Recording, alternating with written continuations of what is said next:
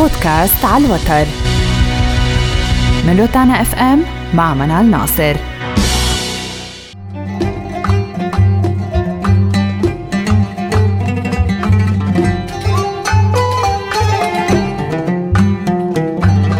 الموسيقى العربية الكلاسيكية نوع من أنواع الموسيقى المتنوعة المشهورة في الدول العربية التي تشترك في النظريات والآلات الموسيقية.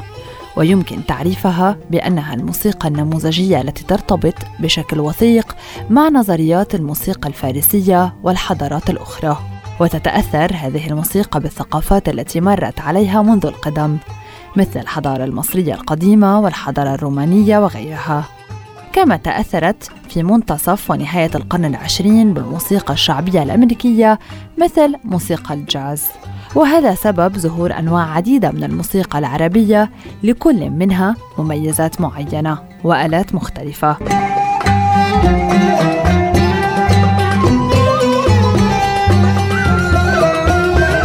ويمكن القول أن أفضل موسيقى عربية هي ما استمع إليها العالم العربي خلال القرن العشرين. وفضل ذلك يرجع إلى نخبة من الفنانين الرواد التي قامت على أيديهم النهضة الموسيقية.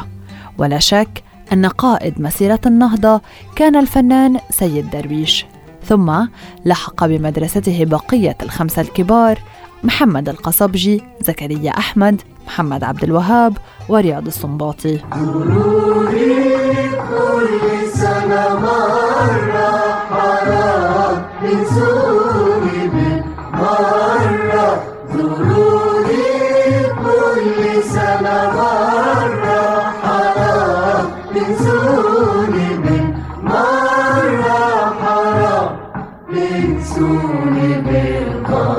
تتميز الموسيقى العربية بعدة ميزات أساسية.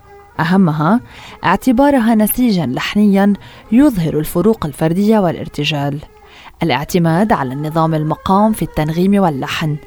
اعتمادها على الآلات الإيقاعية لإنتاج مجموعة من الإيقاعات التي لا يمكن عزفها على الآلات الغربية. وجود أجراس على الآلات الوترية وآلات النفخ. الجمع بين الموسيقى المترية واللامترية. اعتبارها موسيقى لحنية بالكامل ومزخرفة كما يعتبر الغناء المرآة الحقيقية للموسيقى العربية التي ترافق المطربين عادة ويعزف معها بانسجام. وظهر أيضا في القرن العشرين صوت عظيم استمر على القمة لخمسين عام هو صوت السيدة أم كلثوم التي استفادت أيضا من وجود الرواد فقد حمل صوتها أعمالهم إلى الجمهور. وبالتالي خدمت السيدة أم كلثوم الموسيقى العربية بتقديمها ألحان الرواد المجددين وقد غنت لهم جميعا.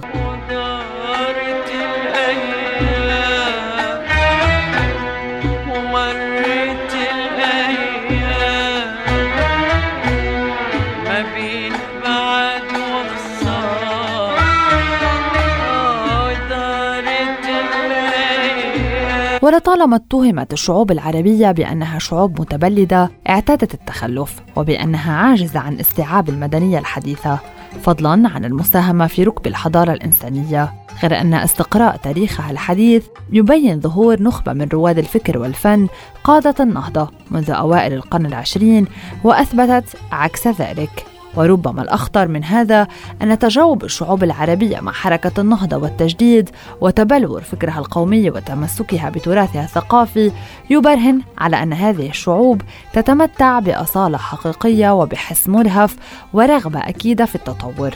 ولعل من أهم ملامح الشعوب أدبها وموسيقاها اللذان يعكسان فكر وشعور الأفراد وحالة الأمة جميعها.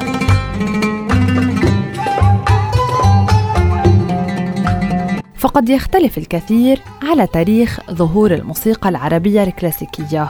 ويقول الآخر أن الموسيقى الكلاسيكية الأجنبية ظهرت في القرن التاسع عشر إلى أن الموسيقى العربية الكلاسيكية ظهرت في القرن العشرين على يد مجموعة من الموسيقيين العرب المتأثرين بالحضارات المتنوعة الغربية وحضارات مصر القديمة والرومان. أما تاريخ الموسيقى العربية بشكل عام فيعود إلى ما قبل ذلك بكثير فقد تطورت على مر العصور. في فترة ما قبل الإسلام ظهرت الموسيقى العربية في عصر الجاهلية بين القرنين الخامس والسابع الميلادي ولها جذور عميقة في الشعر العربي بالرغم من عدم وجود دراسات تؤكد وجودها في ذلك الوقت. وقد استدلوا على ذلك بإلقاء الشعراء لقصائدهم على إيقاعات ونغمات موسيقية عالية كما لعبت الموسيقى دورا كبيرا في طرد الأرواح الشريرة.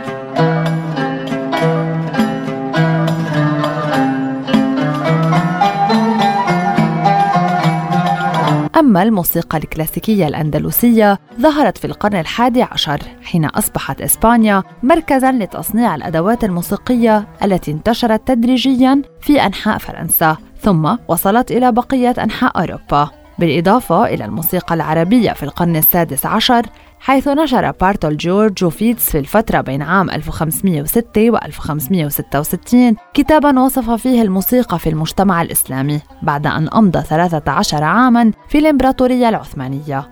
والموسيقى العربية في الهند فقد ظهرت الفرق الموسيقية التي تضم مجموعة من الموسيقيين العرب كما ظهرت رسوم ودلالات تشير إلى وجود أصل لهذه الموسيقى منذ 200 عام قبل الميلاد.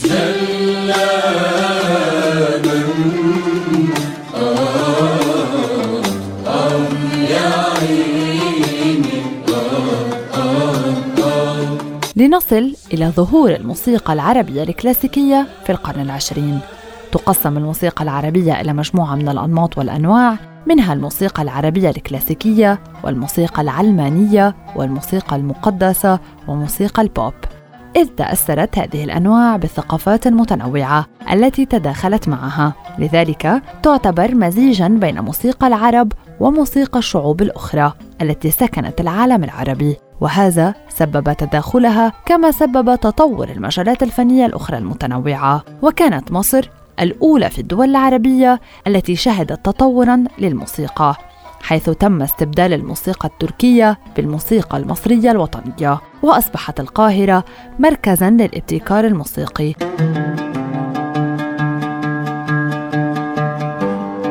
وفي لمحة سريعة عن تطور الموسيقى العربية من خلال مقاطع موسيقية سريعة نبتدي من قبل عام 1900 ميلادي عندما كانت تغنى الموشحات. في ليالي كتمت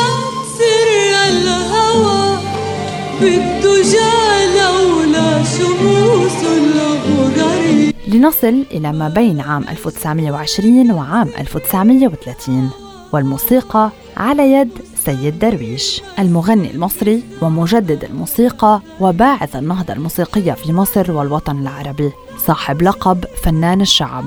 سيد درويش الذي أدخل في الموسيقى للمرة الأولى في مصر الغناء البيلوفيني في أوبريت العشرة الطيبة وأوبريت شهرزاد والباروكة.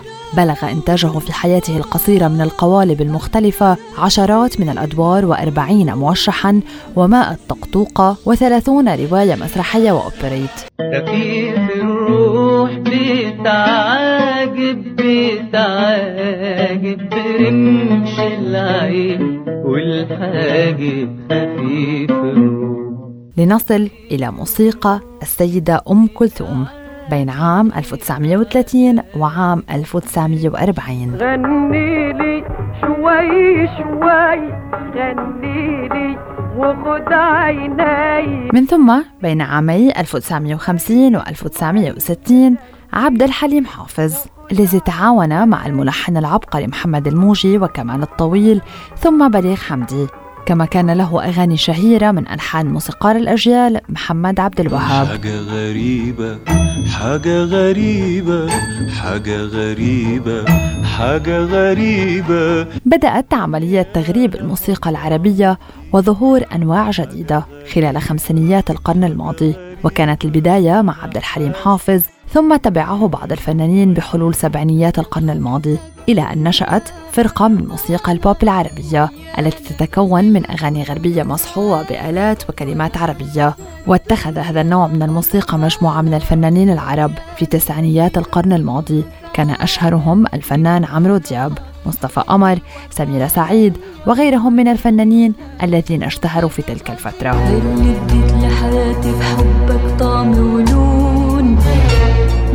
مش حتنازل عنك أبدا مهما يكون.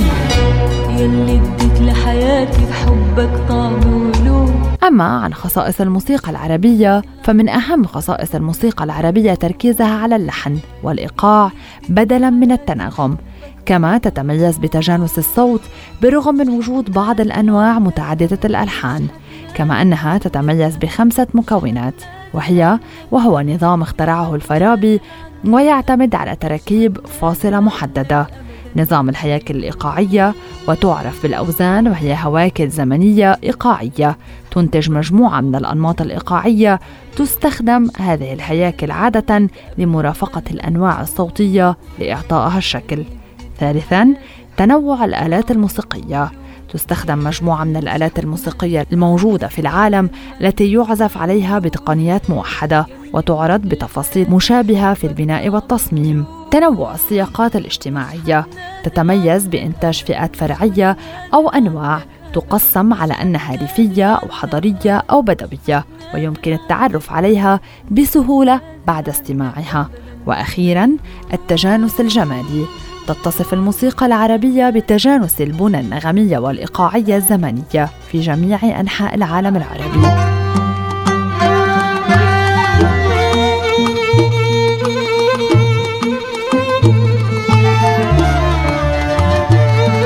ومن أهم كلاسيكيات الموسيقى العربية حيث أنها تتنوع قوالب الموسيقى الكلاسيكية العربية التي يبني عليها المؤلف أو العازف ألحانه الغنائية التي تعطي للألحان شكلا معينا يحدده مسارها ويمكن تقسيمها لعدة قوالب أساسية. مثل الموشحات وهي واحدة من القوالب المركبة المبنية على إيقاعات عرجاء وعلى الشعر الفصيح وتسمى بالموشحات الأندلسية. يتم تأديتها عادة عن طريق مطرب يكرر الجملة مرات عدة مع تغيير المقامات في كل مرة.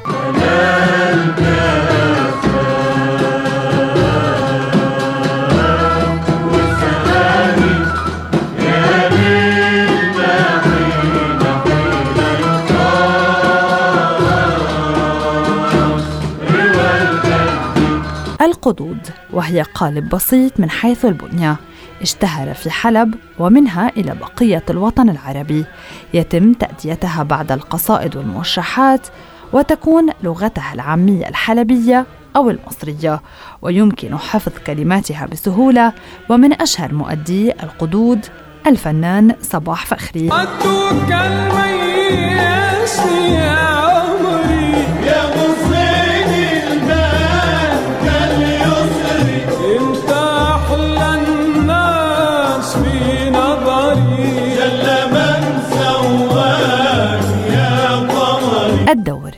يعتبر من القوالب التي انتشرت بشكل كبير منذ أواخر القرن التاسع عشر وحتى ثلاثينيات القرن العشرين في مصر كما يعتبر من القوالب المعقدة من حيث بنيتها ويقدم باللغة العامية ويتم تأديته قبل المقاطع الغنائية ومن أشهر الأمثلة عليه دور أحب أشوفك كل يوم للمطرب محمد عبد الوهاب. أحب أشوفك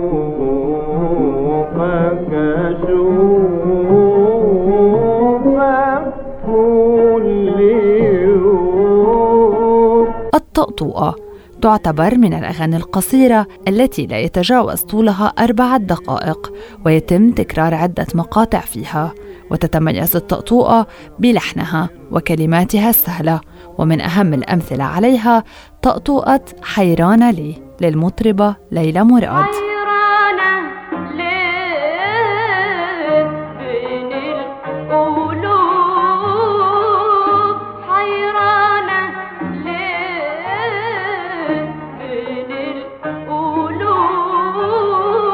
الأغنية التي تسمى بالأغنية الطويلة وهي نوع من الموسيقى ظهر في أواسط القرن العشرين.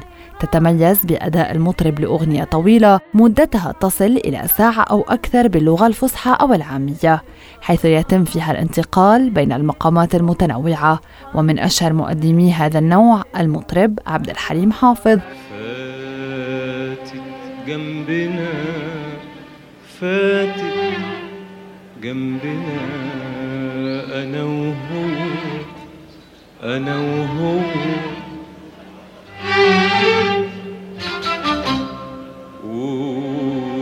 وضحكت لنا ضحكت لنا لنا. أنا وهو أنا وهو القصيدة الملحنة. ظهر في أواسط القرن العشرين نوع جديد يتمثل في تلحين القصائد ذات الوزن والقافية وتأديتها بواسطة مطرب.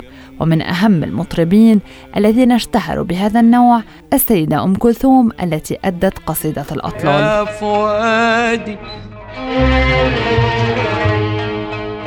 يا فؤادي يا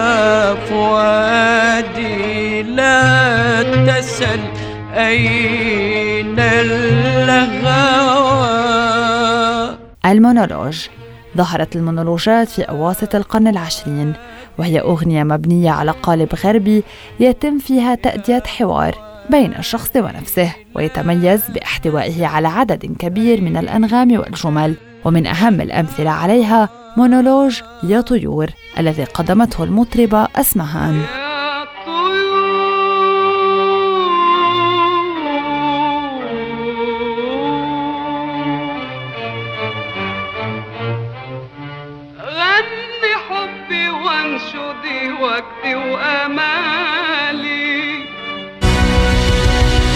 بودكاست على الوتر.